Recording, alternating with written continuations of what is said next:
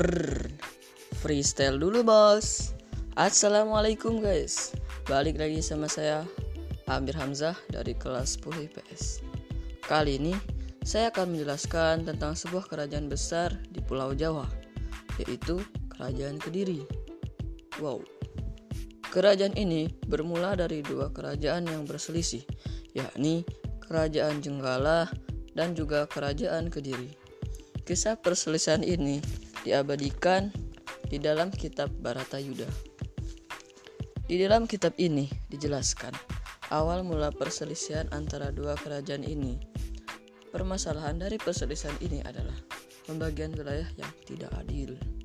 Dari sinilah perang terjadi yang dimenangkan oleh kerajaan Kediri. Oleh sebab itulah muncullah kerajaan Kediri. Wow. Kerajaan Kediri memiliki sebuah raja yang amat masyur. Beliau adalah Raja Jayabaya.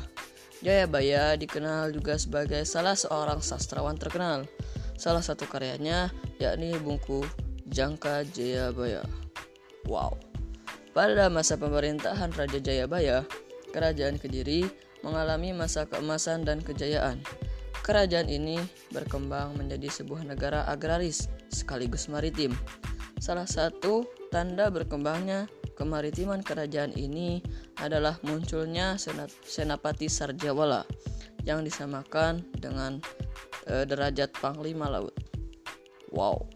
Setelah masa Jayabaya, lalu ada masa Kameswara.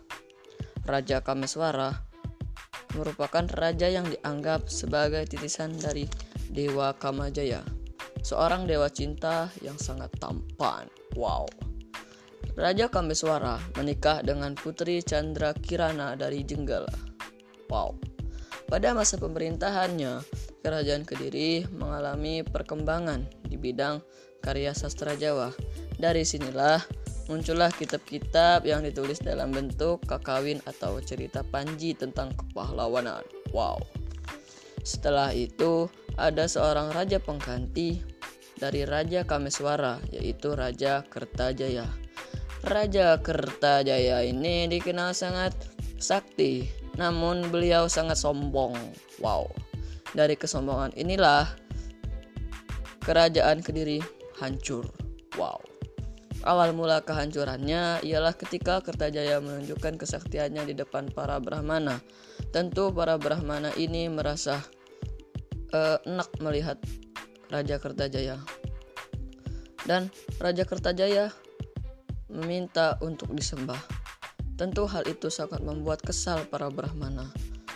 Karena hal itu Raja Kertajaya marah kepada para Brahmana.